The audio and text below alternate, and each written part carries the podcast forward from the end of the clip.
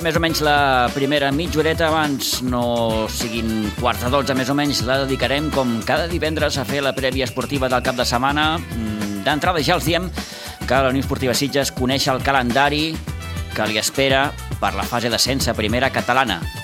No està gens malament per començar, perquè si els dic que els dos primers rivals seran el Gornal i el Cubelles, què em diuen? No està malament, oi? Doncs el Sitges que debutaran el proper 25 de març a partir de les 7 de la tarda a l'Hospitalet jugant contra el Gornal, el campió del subgrup 3A, mentre que el debut a casa, el municipal d'Iguadol, serà el dissabte 1 d'abril contra el Cubelles. Un Cubelles que eh, ja va guanyar el Sitges a la primera fase, ho va fer el municipal de Cubelles, un Cubelles que, per cert, ha estat sancionat amb la pèrdua de 3 punts per una alineació indeguda en el seu partit contra el Sant Feliuenc B i un Cubelles que ha de jugar encara un partit que li resta d'aquesta primera fase, el que disputarà diumenge amb el Vista Alegre a partir d'un quart d'una del migdia. El Sitges, per la seva banda, no es quedarà sense jugar en aquest cap de setmana, disputarà un amistós, ho farà demà a la tarda a partir de les 4 contra el Moja de Manel Rodríguez, un Moja que mm, haurà de jugar, en aquest cas, la fase per evitar el descens de categoria. Analitzarem com queda aquest calendari d'ascens a primera catalana. Parlarem també, òbviament, del partit que haurà de jugar amb el Sitges B contra el Badia del Vallès demà a la tarda. Partit important també el que juga amb el Rugby Club Sitges demà amb la Fuixarda davant el Buc. De guanyar, el Sitges s'asseguraria s'asseguraria pràcticament eh, la permanència amb la divisió d'honor B. Partidars demà, per cert, el Pinsbens entre el bàsquet Sitges i el Casal de Vilafranca, un dels clàssics del món del bàsquet d'aquestes últimes temporades, a partir de les 6 de la tarda, i també se la juga una setmana més el Club Patí Subur Sitges, que haurà de jugar a la pista del Lleida demà a la tarda. Comencem. L'agenda esportiva del cap de setmana.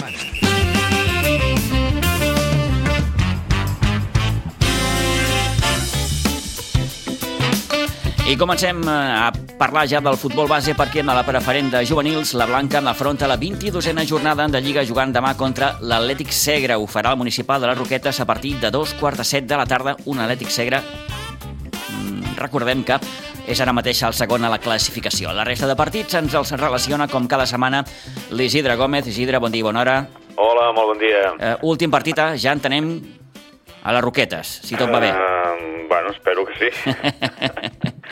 espero que sí, per lo que ens han dit el dilluns segurament han de passar les proves pertinents dels tècnics i si tot està bé i correcte, eh, pues, suposo que dimarts potser ja comencem els entrenaments allà a, nostra, a casa nostra. Uh -huh. Però bueno, mm, també ens havien dit que el, això era el dijous passat i de moment ja ara ens anem a dilluns i que pa, pa, pas a pas. Pas a pas, poquet a poquet, però vaja, tot està més a la vora. La Tot fa cosa, pensar ja. que el proper cap de setmana sí que ja el Nou Pinsbens podria començar a acollir ja els partits amb aquesta, amb aquesta nova gespa.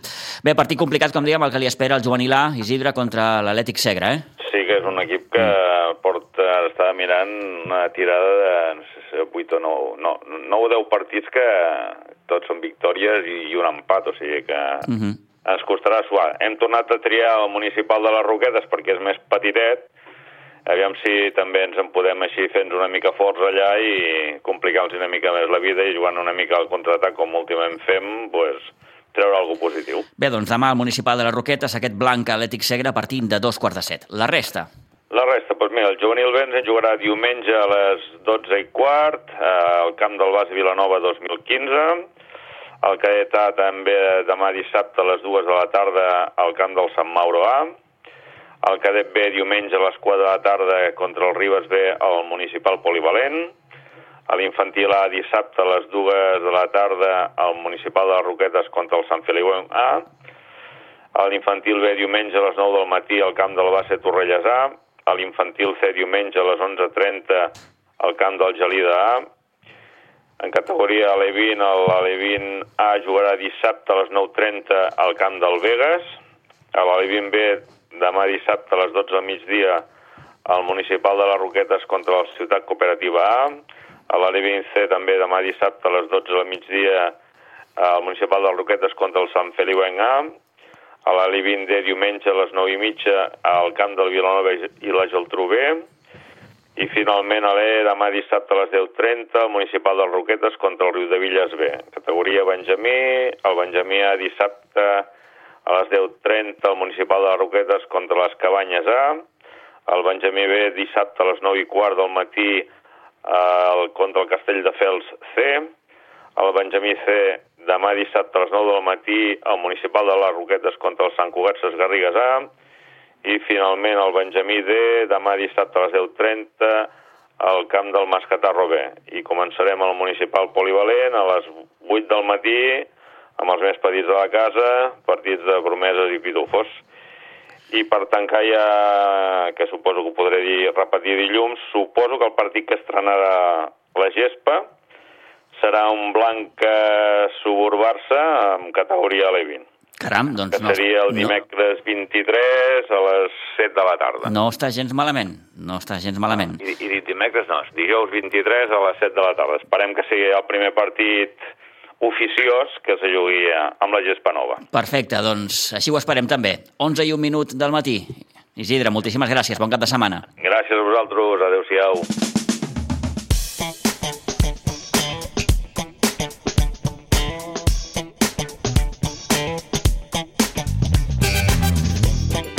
Un Gornal Unió Esportiva Sitges per començar la fase d'ascens a primera catalana. Què els sembla? No està gens malament, eh? I un Sitges Cubelles en el debut a Iguadols tampoc està gens malament. Per acabar aquesta fase d'ascens, el dia 3 de juny, aquí a casa amb el Sanil de Fons. Toni, bon dia, bona hora. Bon dia, bon dia, Pitu. No està mal, eh? No, no està malament. és un debut allò... Fort, eh? Fort. Eh, sí, fort, fort. fort. Home, d'entrada és el pitjor rival que et podia tocar, no?, per començar aquesta fase d'ascens. Sí, perquè... Si mirem els punts. Sí, perquè almenys és el primer del seu grup, eh, del seu subgrup, Eh, I tot i que el Sitges ha quedat millor que ells pel gol a Marai, però els dos han presentat a aquesta segona fase amb 46 punts, no? Sí, senyor. Uh, un Sitges que debutarà el dia 25, és a dir, dissabte de la setmana que ve al camp del Gornal, a l'Hospitalet. El primer partit a casa serà el dissabte 1 d'abril, com els apuntàvem, contra el Cubelles, una última jornada que jugarà a cap de setmana del 3 i el 4 de juny.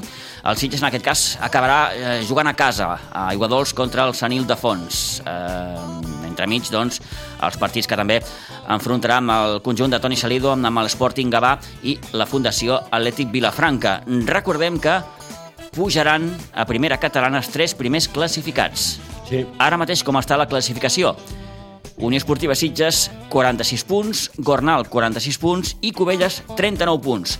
39 punts que podrien ser 42 si el Cubelles és capaç de guanyar diumenge el partit pendent que té amb el Vista Alegre. Un Cubelles, Toni, el qual doncs, l'han sancionat amb la pèrdua de 3 punts del partit que va jugar contra el Sant Feliu B per sí. una alineació indeguda. Sí, sí, sí, i a més s'està parlant molt de, de, de que, bé, que el Sant Feliuent tampoc, vull dir, sabia aquesta normativa, perquè de fet ell havia alineat a tres També nous van jugadors. incórrer en la mateixa irregularitat, en aquest cas eh, alineant passa, tres jugadors. El que passa que alguna trucadeta, uh -huh. alguna cosa, eh, doncs eh, segur que va eh, obrir els ulls al Sant Filuent i va pensar doncs jo estic conduint malament, aquell també, però aquest no s'està donant i jo sí, així que jo lo denuncio, però com ell no m'ha denunciat, el que guanyaré seré jo. I és el que ha passat, eh? Sí, sí, el Covelles ha estat sancionat amb la pèrdua d'aquests 3 punts, per tant es queda amb aquests 39, repeteixo, podrien ser 40 o 42 si guanya. Sí, Sí, perquè de fet el Cubelles havia guanyat un punt, mm. havia sumat un, i aquest l'ha perdut, eh? perquè clar, aquest sí, sí, sí, partit sí, el donen sí. per perdut. Bé, doncs aquesta és la situació. Ara mateix, en aquesta segona catalana, el Sitges no es quedarà sense jugar aquest cap de setmana. Toni juga un amistós demà a partir de les 4 de la tarda contra el Moja. Un Moja de Manel Rodríguez que també ja sap els rivals que li han tocat, eh, en aquest cas, per, per no baixar. Un Moja que tindrà com a rivals el Cabrils, el Vall d'Oreig i el Terlenca. Sí, Però penso que més dues al grup de la penya jove. Sí, és molt. Espluguenc, Levante les Planes i Marianao. Sí, és que la penya jove eh, té... Li ha sol- tocat la, la lletja, eh? Sí, està a 8 punts de la salvació. Eh, I se la té que jugar amb el penúltim classificat, eh, mm. precisament penúltim del, del grup que l'ha tocat amb ell. Eh? Lo té molt complicat. El Moja no tan complicat, però um, se té que espavilar molt, eh? perquè aquí pots perdre la categoria, va ser un eh? de, cada, sí, sí, sí, de, sí. Cada, de cada quatre, no? A, de cada així d'entrada, mm, la sensació que a la penya jove, repeteixo, li ha tocat un grup molt, molt dur. Molt dur, i, Molt dur. I, i, i a favor de la penya jove té que dir que els quatre punts que ha sumat, els últims quatre punts, l'han salvat la vida, perquè encara té vida. Eh? encara té vida, però ara Sí, sí. estaria totalment mort. Ja, Allò si que no, sempre recordava Toni Salido, eh, no és important quedar primer, segon o tercer, sinó el nombre de punts que fem. Sumar, eh? sumar, sumar, sumar, sumar, sumar, Sí, sumar. senyor. Bé, puc parlar uns minuts amb el migcampista de la Unió Esportiva Sitges, Alejandro Sacristán. Amb ell hem fet un petit repàs a la trajectòria de l'equip durant la primera fase i, sobretot, el que li espera a l'equip en la fase d'ascens. Bueno, yo creo que las sensaciones son muy buenas. Eh, al principio de temporada, con el grupo que nos había tocado, pues eh, no teníamos tan claro que, fuera a ser no sencillo, porque no ha sido sencillo, pero que, pudiéramos pues proclamarnos campeones del grupo, porque había muy buenos equipos que al final, pues por unas cosas u otras, no, no han estado arriba, como el Gabá, el Vista Alegre, y, y parecía o se preveía que iba a ser difícil, y sin embargo, pues ahora que ya hemos acabado y ver que, hemos conseguido acabar eh, campeones del grupo, creo que tiene un mérito muy grande. Hi ha un moment que penso que és, que és el punt d'inflexió, que és quan, quan encadeneu les, les dues derrotes consecutives amb el Covelles i, i amb la Fundació Aleti Vilafranca, eh, que el proper partit és a Moja. Eh, Aquell partit és, és, és el punt d'inflexió. Ho veus així? Sí, sí, sí, totalmente, porque ese es, es el, el punto que, que todos los años tienes de, de encadenar alguna derrota seguida y que el año pasado no supimos dar la vuelta y este año pues supimos levantarnos. Además, es, es muy curioso porque durante el partido recibimos dos golpes que anímicamente te, pueden hacer mucho daño, como es encajar el, un gol antes del descanso, que nos poníamos 1-2 ganando, pero, pero te puede hacer daño. Y a los cinco minutos de la segunda parte recibimos una expulsión que en ese momento ya te puedes caer psicológicamente, te pueden empatar, incluso dar la vuelta. Y aún así aguantamos, incluso nos pusimos 3-1 aunque nos acabaron marcando el 3-2, pero ahí demostramos un poco que, que, el grupo está fuerte, que estamos unidos y eso al final es lo que te suele te suele dar un poco la oportunidad de, cuando llegan estas rachas negativas levantarte. La diferència, Sacris, creus que aquesta temporada està precisament en el vestidor? Sí, sí, totalmente. Aquí en Sitges siempre hemos, hemos tenido buenos equipos, a veces pues con unas piezas diferentes que otras, pero buenos equipos ha habido siempre. Llevamos muchos años intentándolo y creo que una de las claves de, de, los buenos resultados hasta el momento, porque sí que es verdad que estamos muy contentos por lo que hemos conseguido hasta ahora, pero, pero que aún queda mucho y queda lo más importante. Yo creo que la diferencia es el grupo. Si, si consigues construir un, un buen bloque y un vestuario unido, eh, hombre, no lo tienes todo ganado, pero es mucho más sencillo que cuando te vengan mal dadas, pues te puedas acabar levantando como hemos hecho hasta el momento. Eh, T'ho dic perquè parlis amb qui parlis del club, et diu precisament això. Dir, ostres, aquest any hi ha un, un, un vestidor molt, molt, molt unit, molt maco, hi ha alegria al vestidor.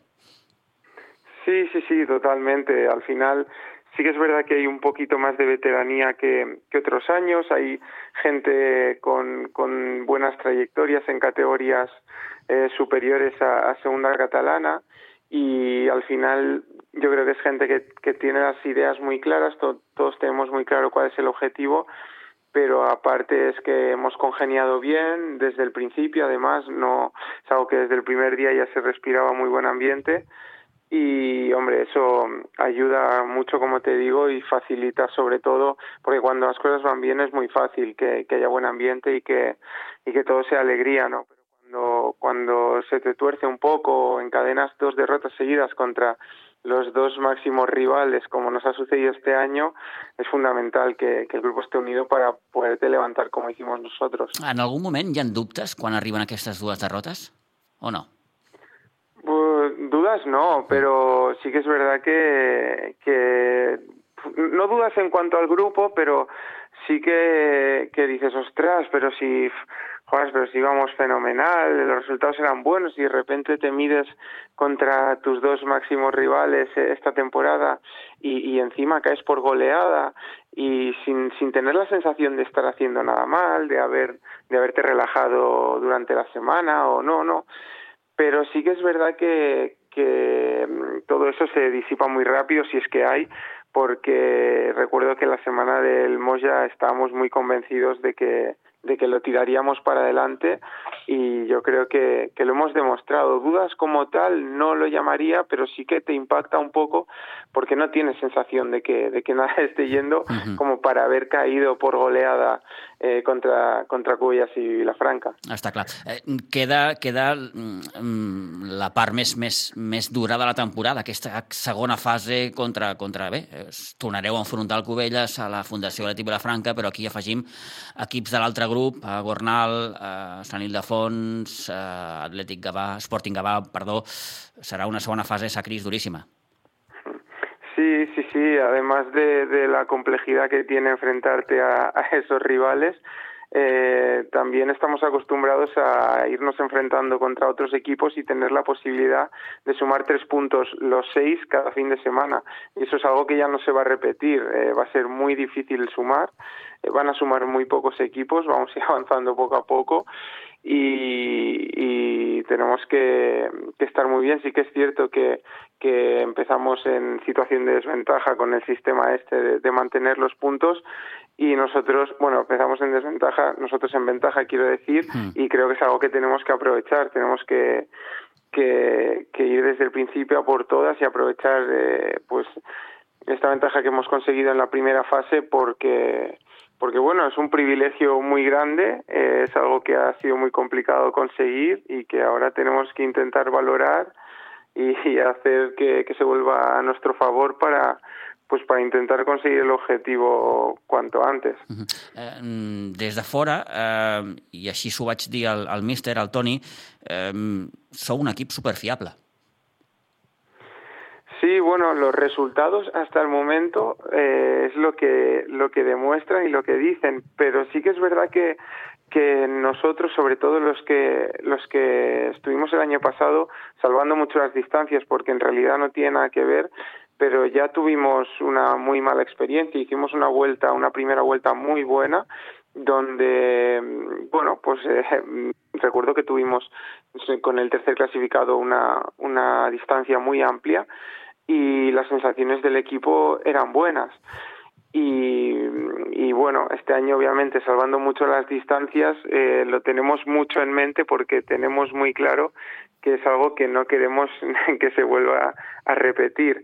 Entonces sí, hasta el momento las sensaciones son muy buenas, pero aquí el objetivo eh, obviamente el primero era meterse en playoff, pero el objetivo es subir de categoría y hasta que no lo consigamos, eh, yo creo que no tenemos que confiarnos y tenemos que apretar porque es muy difícil, va a ser muy complicada esta segunda fase i, i, i no, podemos, uh -huh. no podemos pisar el freno ni un poco. I la sensació, repeteixo, Sacris, és que ara esteu en un bon moment.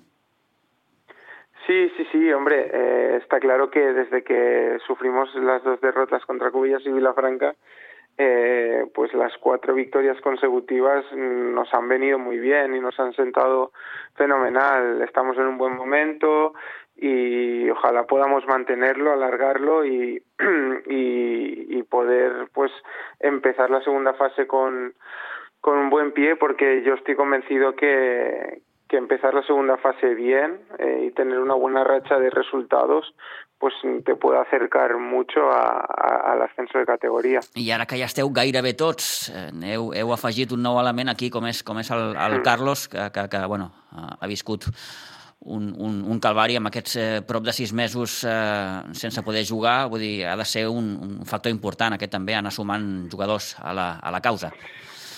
Sí, obviamente, cuantos más seamos mejor. Y en este caso, Carlos eh, ha sido eh, un jugador muy importante para nosotros siempre, un jugador con mucho gol, que, que no es nada fácil tener, tener gol.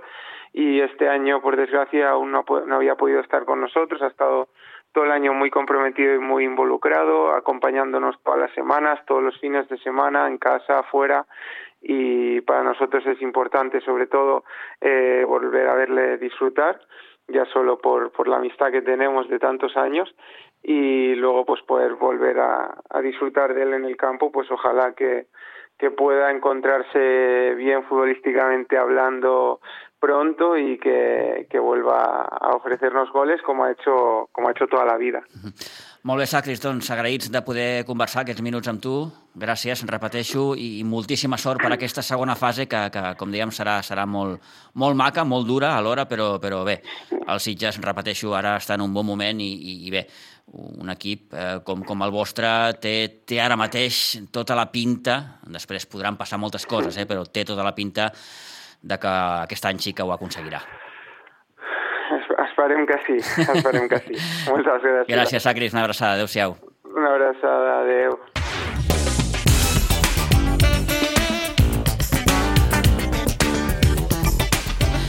Hi ha aquest sospir que fa el Sacris. Esperem que sí, esperem que sí, perquè l'equip, el club, en definitiva, porta uns quants anys intentant aquest ascens a primera catalana, que començarà, repeteixo, aquest camí ja final i esperem que definitiu el proper dissabte 25 a l'Hospitalet contra el Gornal a partir de les 7 de la tarda. Bé, seguim endavant en futbol, la tercera catalana, jornada número 23. El Sitges B, Toni, que té un partit, no diré fàcil, eh? No cauré no. la trampa de dir que té partit fàcil. Juga demà a Badia del Vallès, que és ara mateix el tercer per la cua, un equip, tot s'ha de dir, amb poques opcions de, de, de poder evitar el descens. És un equip que encaixa molts gols, n'ha encaixat 81. Vaja, té molts números per perdre categoria i demà dos quarts de quatre el Sitges B se'n va acabar allà. Sí, és un partit en el que el Sitges té que pensar eh, que el més important el que puguin fer ells, seguir a la mateixa línia. Saben eh, que allà ni l'Olivella ha sigut capaç de guanyar, ni el Ribas ha sigut capaç de guanyar, i l'Atleti Vilanova també ha perdut, doncs eh, té que aprofitar-lo als Sitges, sabent que és un camp dintre de la classificació que ocupa l'equip complicat, eh, sobretot al seu camp, i té que sumar els tres punts. Sí, en el partit de la primera volta, jugat a Iguadols, el Sitges ja va superar sense masses problemes el conjunt ballenc per 6 a 2. Recordem que després dels resultats de, de les últimes jornades, el Sitges B només té 3 punts de desavantatge respecte a un Vilanova del Camí que ha donat alguns símptomes de debilitat en aquest inici de segona volta. Se la fa llarg, se l'està fent llarg la segona volta i això ho sabíem perquè, de fet, l'any passat també va patir molt la penya jove per aconseguir l'objectiu, al final ho va aconseguir perquè tenia jugadors eh, de molta qualitat. I tenia un coixí també molt important. Eh, eh, al final aquest Carlos... coixí serveix per, per, per això, no? per quan t'arribi el mal moment poder-ho gestionar. Clar. I en canvi l'Atleti Vilanova la derrota, perdó, el, el Vilanova del Camí la derrota aquí al municipal l'ha fet molt de mal. Uh -huh. L'ha fet molt de mal perquè doncs, no, són, no és, un equip, és un equip terrenal, és un equip que pot perdre. Òbviament. Eh, I aquí va perdre, no? I això, doncs, en aquesta segona volta l'ha marcat bastant i això no té que aprofitar els Sitges perquè ara el Sitges està en un gran moment. És un equip que no ha variat molt, que és un equip que juga juga igual que al principi. Molt constant, eh? eh? molt regular. Clar, eh, mm. fa aquella pressió eh, doncs, que ofega totalment a los equips i té que aprofitar-lo. 11 i gairebé 18 minuts al matí, anem al bàsquet.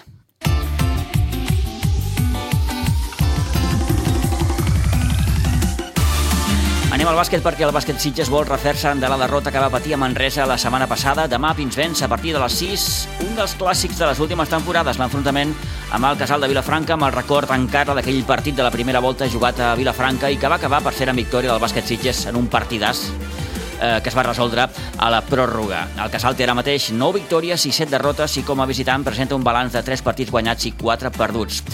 Bé, va ser una de les poques cores bones que ens va deixar el partit de la setmana passada a Manresa. Ens estem referint als primers minuts que va poder jugar Marçal Gosalvez, després de prop de dos anys, sí, sí, prop de dos anys sense poder jugar. Un autèntic calvari de lesions entre l'espatlla i el genoll que ha pogut superar, sobretot, amb una fortalesa mental, tot i que estem parlant d'un jugador molt jove, té 20 anys. Vet aquí el testimoni de Marçal Gosalvez i, per començar, les sensacions que va tenir l'altre dia a Manresa en el moment de sortir a jugar.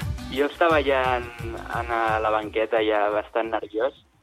Eh, bueno, al final se't passen moltes coses pel cap després de, de tot el que has viscut. I, i bueno, quan em toca el cap que, que em diu de d'entrar a pista, bueno, eh, penso que ha arribat el moment que, que he estat esperant tots aquests anys, que pràcticament he, he somiat cada nit en aquell moment.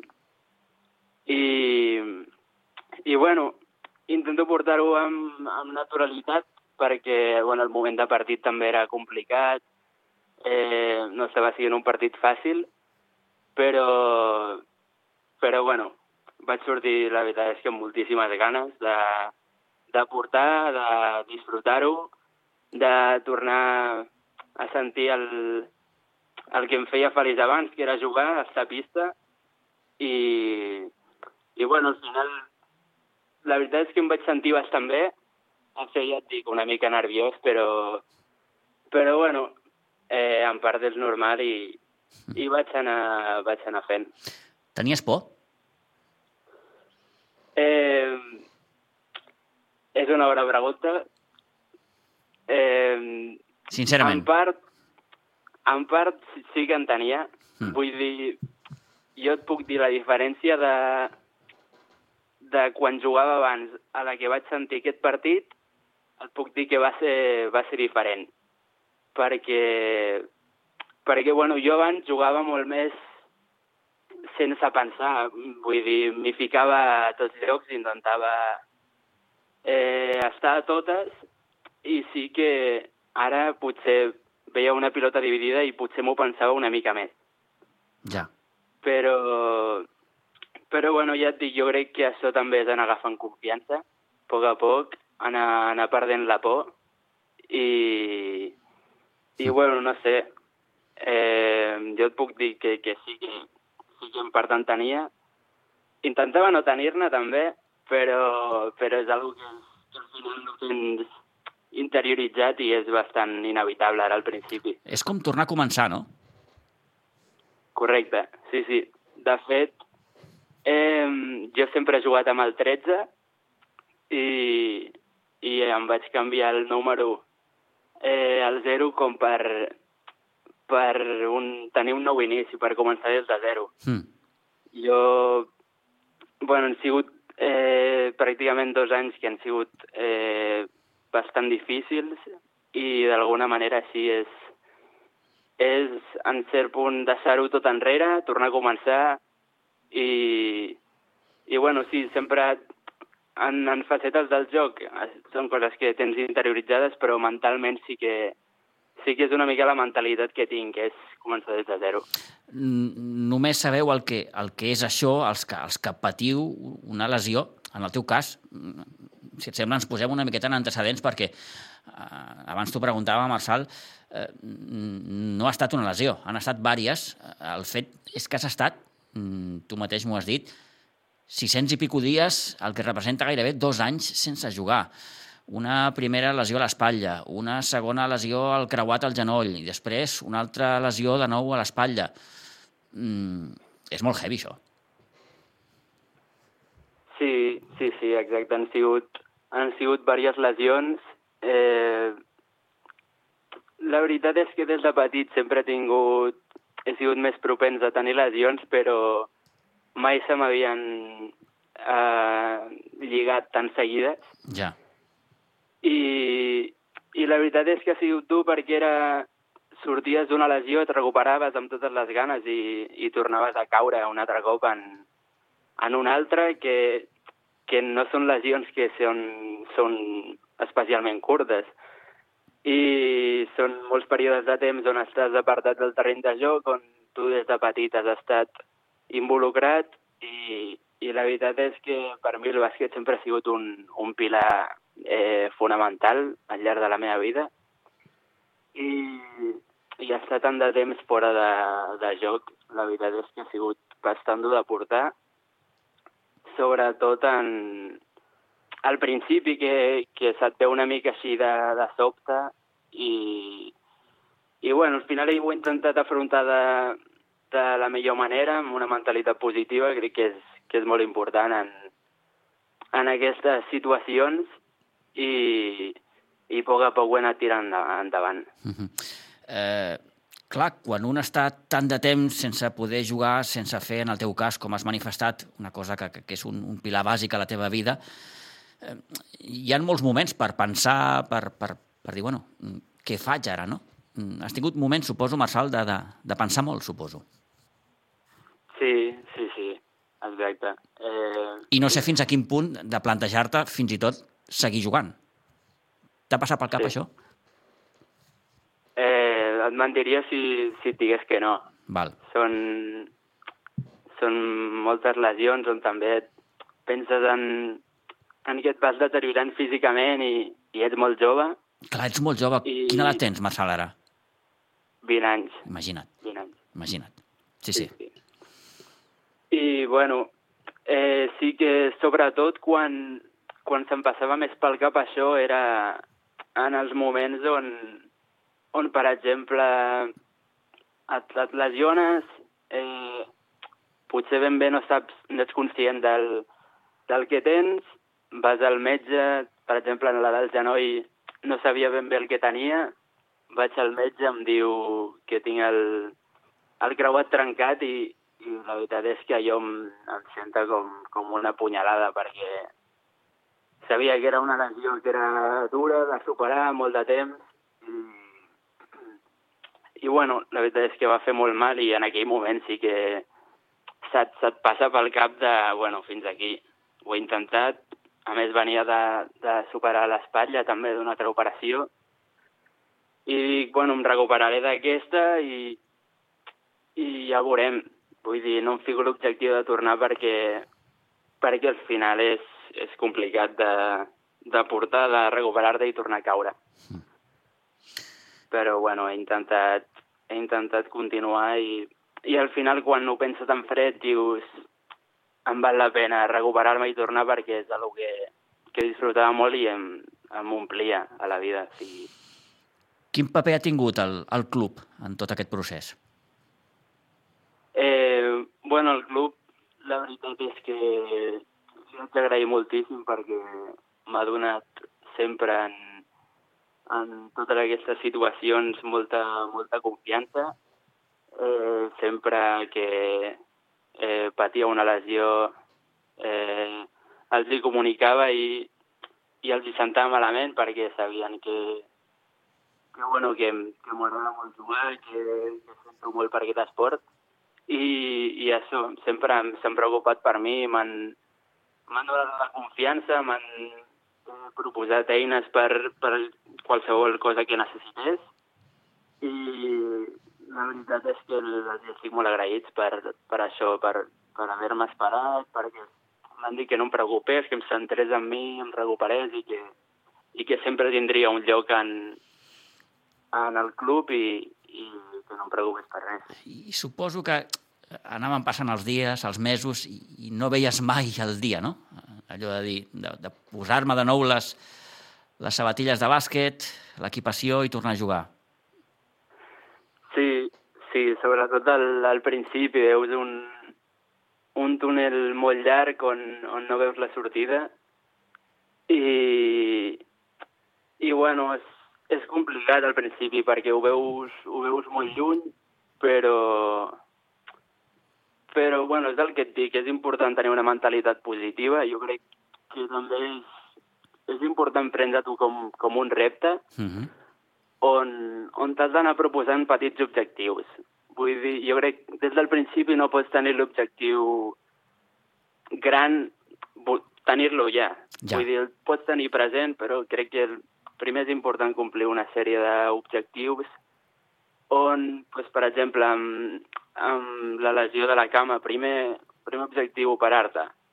El, el compleixes i dius, vale, següent objectiu, eh, poder doblegar la cama, per exemple. Després, caminar.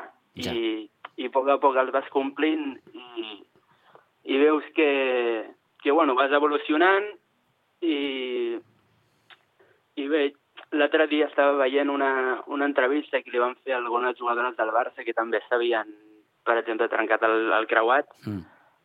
i, i van dir una frase que, que la veritat és que descriu molt bé aquest, aquest tipus de lesions que són molt llargues i és que tot passa, era, tot passa més ràpid, més lent del que voldries, tot passa més lent del que voldries i més ràpid del que penses. I, i és veritat, perquè tu veus, ho veus que queda, que queda moltíssim per recuperar-te, eh, que tot passa molt lent, però, però si a la, a la que et despistes ja estàs caminant, ja estàs trotant, ja estàs corrent, pots anar al pavelló a tirar, i a poc a poc vas complint aquests objectius que t'apropen al, al final i fins que arriba el dia. I en tot això que m'expliques, Marçal, jo crec que hi ha dues coses molt importants. Eh, una, la mentalitat, i dos, el fet que, que ets, ets una persona jove. Són dos aspectes que suposo t'han ajudat molt a, a superar aquest mal moment. I, i bé, arriba el dia, arriba el dia, que és dissabte passat a Manresa, deixem davant del resultat, que suposo que és el de menys, en aquest cas, que ens ocupa, i, i bé, aquells, aquells minuts eh, que, que, que vas afrontar i ho has reconegut amb, una certa, amb un cert amor, i és el més normal, i, i ara mm, t'ho prens també com, com, com això que deies, com, com anar superant petits objectius? Um, sí, jo crec que el, al final és, és un procés molt llarg on, on podries pensar que el final és tornar a jugar, però crec que a partir d'ara també és, és important tenir paciència, eh, anar agafant confiança als entrenaments, anar eh, tenint més seguretat i, i fer a poc a poc un canvi de xip on, on al final eh, tot, tot aquest procés t'ha servit per, per madurar i per eh, ser més intel·ligent i, i t'ha donat eines que pots utilitzar en, en el procés de, de, bueno, fins ara tornar a jugar i, i sí, al final ja, ja m'ho diuen per l'Edu, al Jordi, que no tingui pressa, que al final és molt de temps, que haig d'anar a poc a poc, que ells eh, en certa mesura no, no m'exigiran que, que rendeixi al 100% eh, ara ja. I, I bueno, sí, jo m'ho prenc això. Eh, a poc a poc anar complint els objectius, poder jugar durant un període seguit, a poc a poc guanyar confiança i, i bueno, la veritat és que m'agradaria també recuperar el, el nivell que tenia abans per, per poder ajudar molt més a l'equip. No et preguntaré pel, pel partit de l'altre dia, et preguntaré pel partit que, que heu de jugar dissabte amb el Casal. És un, mm. és un bon moment, no?, també per reaparèixer a casa? Sí, sí, sí, la veritat és que és que és un escenari bastant, bastant atractiu. Eh, és un partit que, que serà dur. El, bueno, és un, un clàssic no, del, Home, de les últimes eh, temporades. si s'assembla al que veu jugar allà, Mm, sí. Ja et dic jo, no, vas, vas ser-hi o no? Sí, sí, sí. Ja Va ser un partidàs en tota regla, no sé si recordes, amb la pròrroga, amb un festival de triples, bueno, va ser un partidàs, jo feia temps que no veia un partit mm, com, com aquell i, i va ser una victòria, bueno, un tros de victòria en majúscules. Per com estava l'equip, crec que aquell dia només hi havia sis sèniors, mm, sí, va, va sí, tenir aquell, aquell punt d'èpica, no? Doncs, doncs si és com aquell, ja ens podem calçar. Sí, sí, no, no. La veritat és que s'ha d'estar mentalitzat, s'ha d'estar mentalitzat que, que no, no serà un partit fàcil, són un rival molt dur. I, però bueno, ells vindran amb ganes, nosaltres també venim de perdre, anirem amb, amb molta energia, amb moltes ganes, eh, ho posarem tot i tant de bo ens emportem la victòria. Mm. Eh, Ara que no ens escolta ningú, o gairebé ningú. Estava molt emprenyat, l'Edu l'altre dia? Eh... ell, ell, ell, la veritat és que sempre, sempre ens avisa abans dels partits que, que no serà fàcil. Sí, que, sí, ho sé, ho sé. Bueno, al final no, no, hi, no hi ha cap rival que sigui, que sigui flu, sempre et posen d'alguna manera les coses difícils. I, i bueno, al final del partit, la veritat és que estava bastant, bastant enfadat per com s'havien donat les coses, perquè el partit no, crec que no, no va ser del tot just amb nosaltres, ells, ells van tenir molt encert, nosaltres poc, però, però bueno, eh, el vaig veure al final del partit, podria dir una mica resignat, però bueno, ja ens va dir que ens va donar la confiança per, per continuar, per seguir treballant, per, per treure-ho endavant i, i estava segur que seria així. Molt bé. Marçal, t'agraeixo moltíssim eh, aquests minuts que has tingut eh, amb nosaltres. Eh, et dic un aplaudiment ben gran per tu, perquè el que has passat, repeteixo, només ho saps tu i probablement mm, els teus, quan dic els teus és la teva família, i, i escolta'm, et desitjo tota la sort del món eh, a intentar gaudir al màxim d'aquesta nova etapa com a jugador de bàsquet i escolta'm, si al final de temporada es pot coronar amb un ascens, imagina't. Sí, sí, sí, bueno, moltes gràcies per tot, Pitu. Eh, gràcies per l'oportunitat de, de venir aquí i explicar una mica tot el, tot el que he viscut i, i bueno, anem, anem a per l'objectiu. Doncs moltíssimes gràcies, senyor. Una abraçada. A tu, adeu, que vagi bé.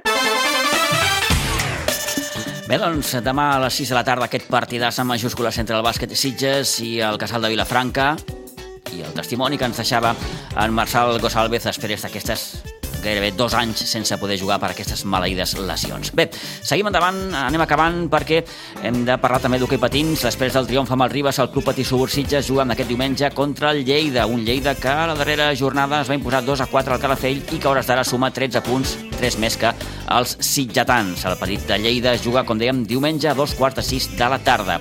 A la divisió d'honor B de rugby, el Rugby Club Sitges que juga demà a la Fuixarda contra el Buc. Ho farà a partir de les 4 de la tarda i no cal dir que una victòria podria ser gairebé definitiva de cara a la permanència. I acabem en hoquei herba, l'equip de mamis del Sitges Hockey Club que s'enfronta al Club Hoquei Sant Andreu aquest diumenge. Ho farà a partir de les 12 del migdia al polivalent de Pinsbens. 11 i 36, deixem la prèvia, anem cap a la tertúlia.